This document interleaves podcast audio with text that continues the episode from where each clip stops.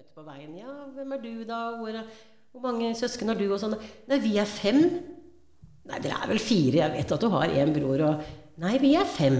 Det er mamma, og pappa, broren min og Klumpen og meg. Så det er blitt et familiemedlem. Og jeg må si det at eh, den er altså Det er, det er et slags eventyr. Eh, skrekk og science fiction og realisme i en skikkelig god blanding. Og jeg må si jeg har fått litt sansen, altså.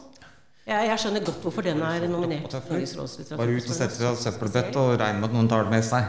Da han kommer ut, så møter han jo da naturligvis naboen. Og da kan han jo ikke bare sette seg og stryke på etter. Så han må da bare gå videre. Han prøver å sette ved seg en bil, men da går bilalarmen. Så da må han jo også bare gå videre. Og da, og slik fortsetter det, og det blir Eh, Hjertelig velkommen til eh, Drammensbibliotekenes podkast. Mitt navn er Øyvind Svaleng, og jeg er så heldig å ha med meg Kjetil Flage og Kari Telle med meg i, i dag i dagens program. Og vi har et eh, fullspekket eh, program, og jeg tenker bare jeg skal gå rett til eh, deg, Kari. Du har jo lest en av eh, våre store forfattere, eh, som kanskje er litt sånn på, på slutten av karrieren, men eh, skriver fortsatt eh, veldig bra ting, eh, nemlig Lars Saabye Christensen. Og ja.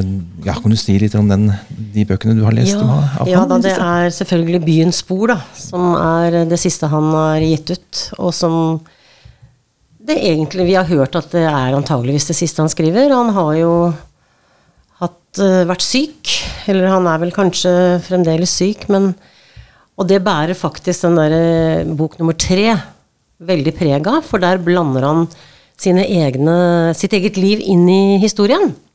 Og plutselig så kommer han innom ja, nå går jeg og venter på beskjed fra legen, og så holder han på med cellegiftbehandling, og så tenker han å, hvordan skal jeg ende dette her? Rekker jeg å, ende, å bli ferdig med boka? Men det gjorde han, gudskjelov. Og jeg har sett ham på, på, på TV med Brenner, hvor han har sittet sammen med Torvald Steen og, og snakket om bøkene sine og sånn, da, så for noen måneder siden. Men eh, jeg begynte på Jeg tenkte skal jeg lese de der tre bøker? Ja. Så begynte jeg å snakke med en del lånere som var veldig, veldig på om å sette seg på venteliste, og syntes det tok så lang tid, og nå var de ferdig med nummer én, og nå må de få nummer to. Så var det nummer tre. Og så begynte jeg. Og jeg har jo bodd i Oslo i mange år, så for meg så er det utrolig morsomt å lese For han er jo veldig konkret i hvor handlinga er hen. Ikke sant? Det er jo på Fagerborg, ved Majorstua Marienlyst Det- i Oslo. Det er jo veldig ofte der at bøkene hans Ja. eh, foregår.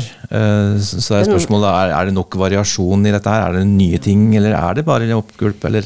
Altså jeg tenker, jeg leste jo Beatles, og det er jo veldig veldig mange år siden. Og det er faktisk en av bøkene så sta- eh, Bok nummer to starter faktisk med de fire gutta som drar på en strand og gjør et eller annet. Og så kommer vi tilbake til eh, det persongalleriet som han har, i denne boka. Jeg syns i hvert fall at eh, det var ikke noe problem, og jeg syns ikke det ble kjedelig i det hele tatt. Og det er jo ikke stort personalgalleri. Det er liksom Mai som er hovedpersonen. Mai og Evald heter jo første bok. Men så dør Evald av kreft, og så har, hadde de Jesper og Stine.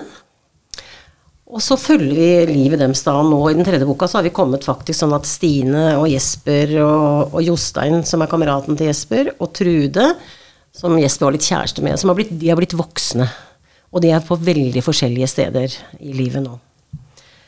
Og nå har jeg har faktisk eh, med vilje venta litt. Jeg tror jeg har igjen 30 sider. For jeg har ikke lyst til at den skal bli ferdig. Oh, Men jeg skjønner at det kan hende at det er litt grann sånn trist eh, slutt. Men eh, jeg er meget imponert over Lars Saabye Christensens forfatterskap i det hele tatt. Og jeg har ikke lest alt.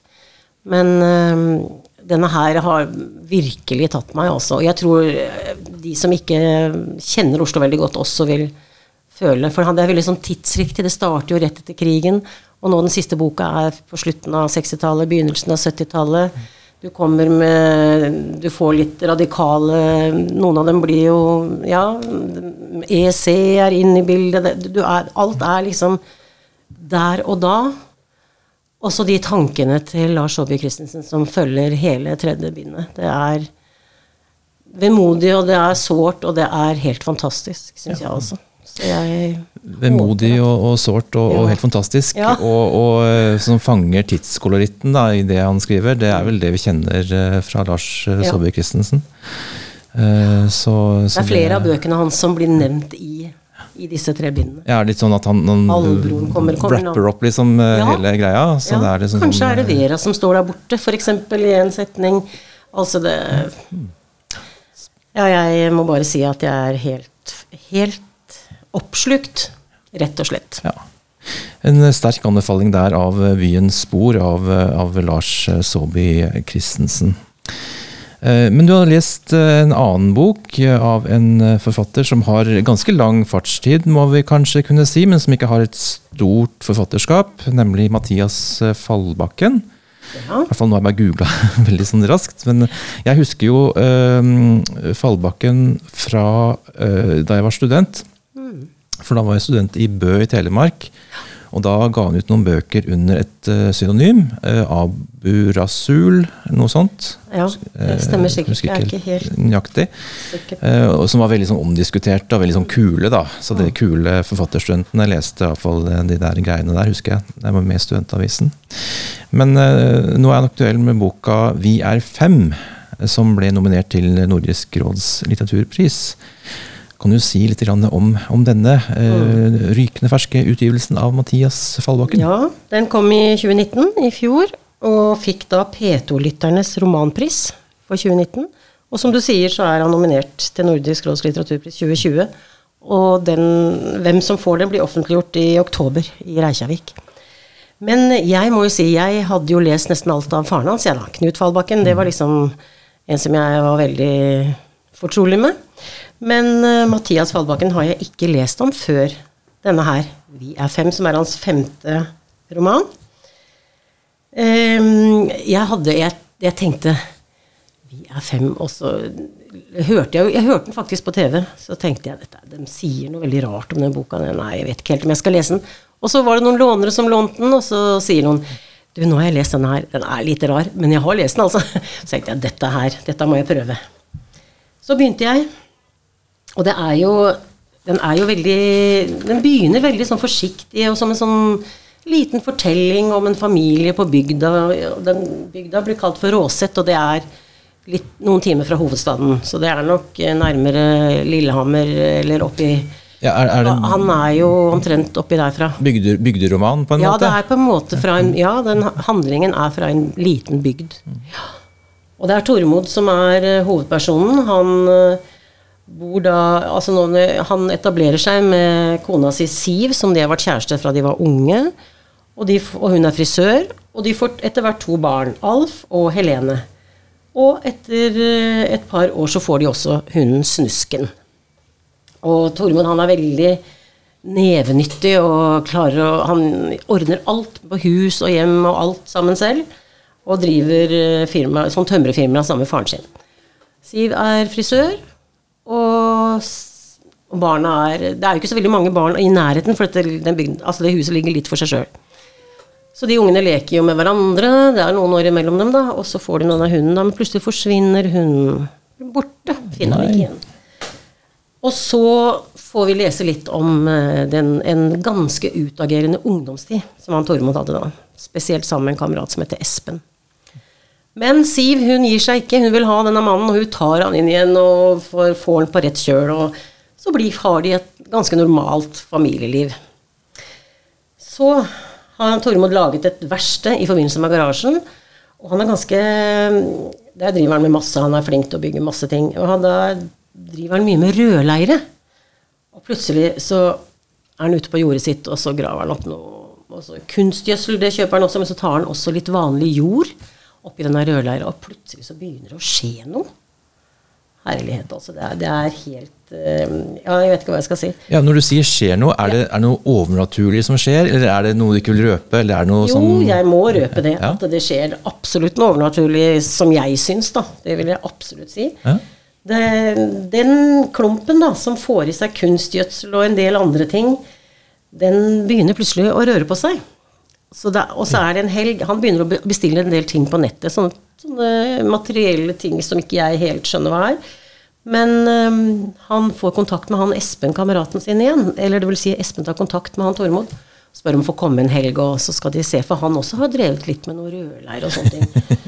og så sender han familien sin til svigerfamilien, og så har de en helg hvor de uh, eksperimenterer med den klumpen, som de kaller den. Og med seg selv. Det blir en sånn litt uh, overrusa helg, kan du si. Men så kommer han jo ned på jorda igjen. Men så begynner denne klumpen skjønner du, å røre på seg. Og så begynner han å, å gå selv. Og så er det en dør mellom garasjen og inn i huset. Plutselig så kommer han spankulerende når døra er oppe, og så begynner han å hjelpe til på kjøkkenet. og så begynner han å hjelpe. Det, det høres jo helt utrolig merkelig ut. Fra å være en sånn stille, rolig bygderoman, da, så kommer det inn en sånn ting. Men jeg, altså den, den er sånn driv allikevel i den boka. Så jeg tenkte dette her syns jeg er kjemperart. Og jeg, er jo, jeg leser jo mest virkelighetsnære ting. Men jeg må bare fortsette. Jeg fortsetter og fortsetter. Og den blir med på tur. Og ungene de kan dele den opp og lage bondegård og mange ting. Det, det høres jo helt Ja, ja, vanvittig ut. det er lov alt lov i litteraturen. Alt er lov. Men det blir altså et familiemedlem, og Helene sier jo Det er langt ute i boka, så sier hun til en dame som, som hun møter på veien Ja, hvem er du, da? Hvor, er- hvor mange søsken har du? Og sånn. Nei, vi er fem. Nei, dere er vel fire. Jeg vet at du har én bror. Og Nei, vi er fem. Det er mamma og pappa, broren min og Klumpen og meg. Så det er blitt et familiemedlem. Og jeg må si det at eh, den er altså det er, det er et slags eventyr. Eh, skrekk og science fiction og realisme i en skikkelig god blanding. Og jeg må si jeg har fått litt sansen, altså. Jeg, jeg skjønner godt hvorfor den er nominert til Norges råds litteraturpris, for den er såpass spesiell. Knakende godt skrevet. Ja. Og nei, den tok meg, altså. Bare en liten sånn rant, for nå, nå hørte jeg på hva du sier. Jeg fikk skikkelig lyst til å lese den boka. Men jeg har jo sett coveret på den, og sånn, og jeg må jo si, det der får jeg ikke lyst til å lese. Det er lite sånn stikk til norske forlag. Lag mer innbydende covere, for dette her fikk jeg lyst til å lese, i hvert fall.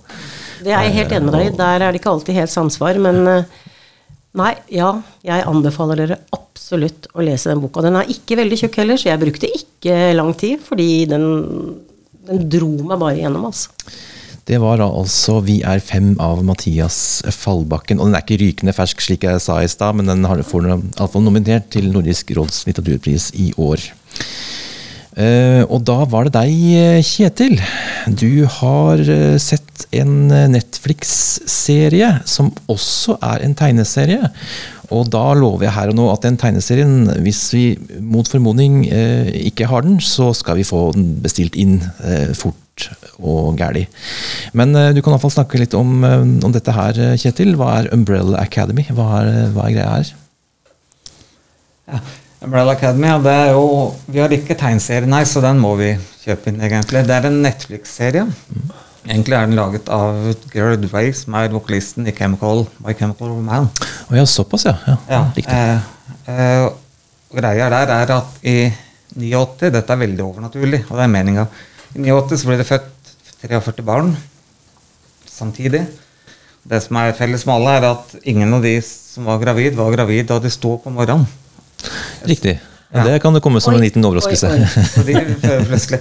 Og en av de som merkes, legger merke til dette, er en villa der som heter Hargreaves. Han får veldig lyst til å egentlig adoptere alle sammen, men han får tak i bare syv.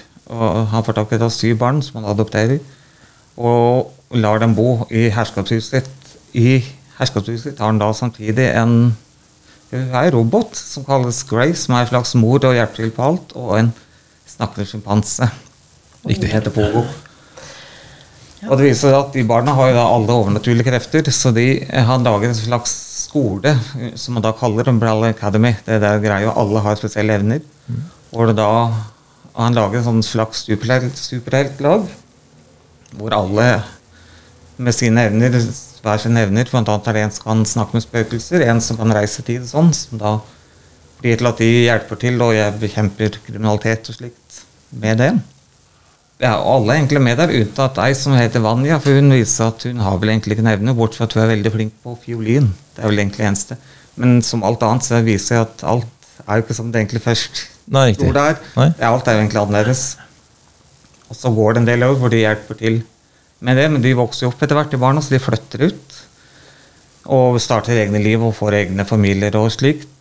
Eh, og etter enda noen år da, så dør han Hargraves under litt sånn mystiske omstendigheter. Og da må alle samles igjen og egentlig finne ut hva som er greia. Og da kommer han tilbake, han som har nevnt tidligere, han som kan reise i tid. Han kommer tilbake fra framtiden og sier at det er egentlig noe veldig spesiell, spesiell grunn til at de har blitt samlet. Riktig. Og at alle egentlig samles for å nettopp forhindre den framtiden. Sånn, ja. Så jeg leser litt sånn at det er litt sånn X-Men-aktig noe av dette her, og så er det litt sånn Terminator-aktig at det er litt sånn tidsreiser og litt Ja, eh, bort litt fra at det ikke er roboter, men der kommer bl.a. et par eh, leiemordere fra framtida med hvert sitt sånne store som kostymehode og noen greier.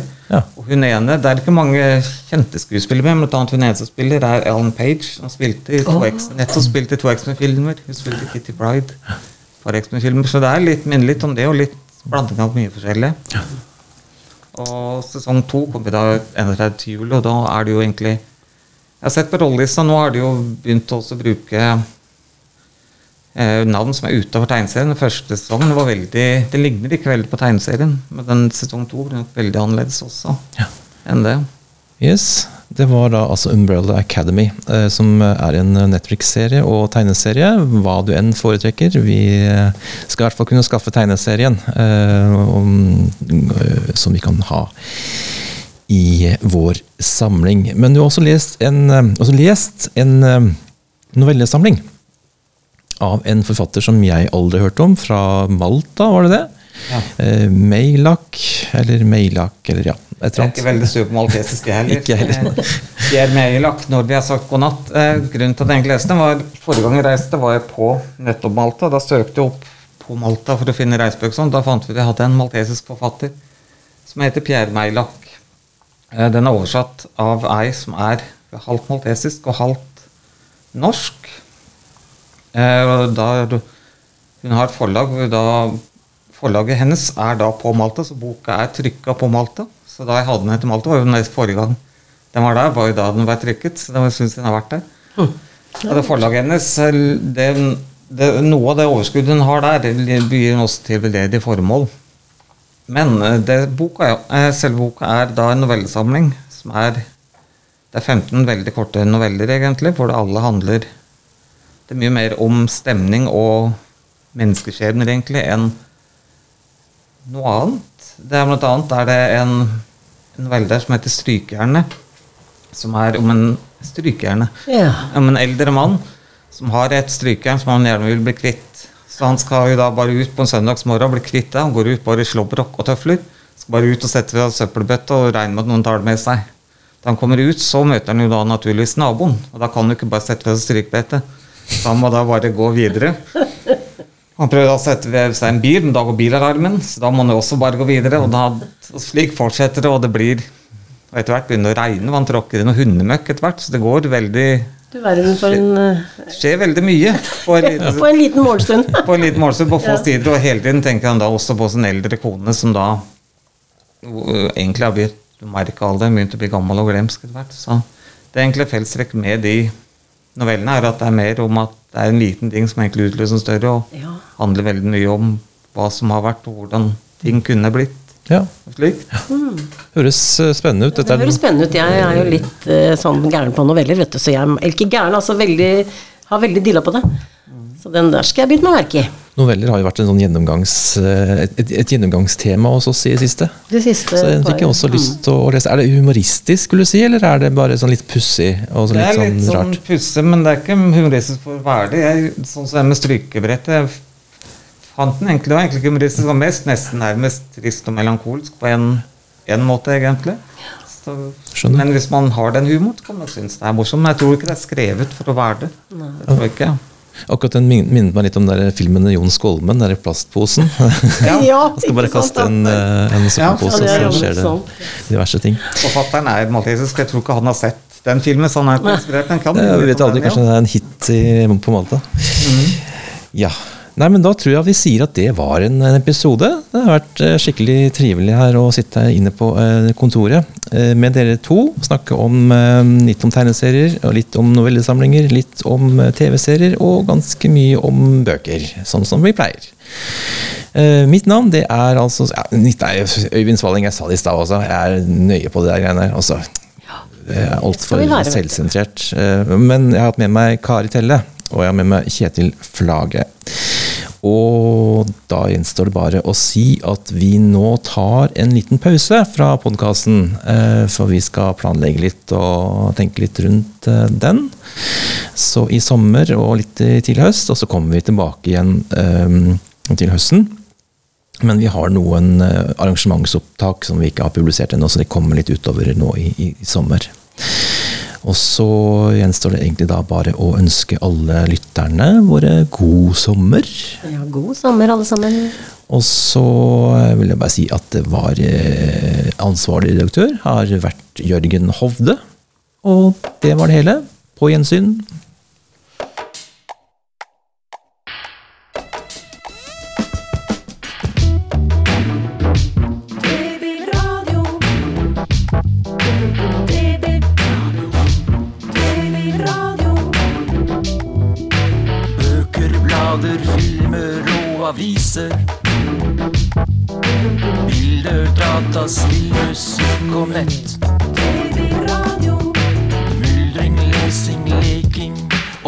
Og læring.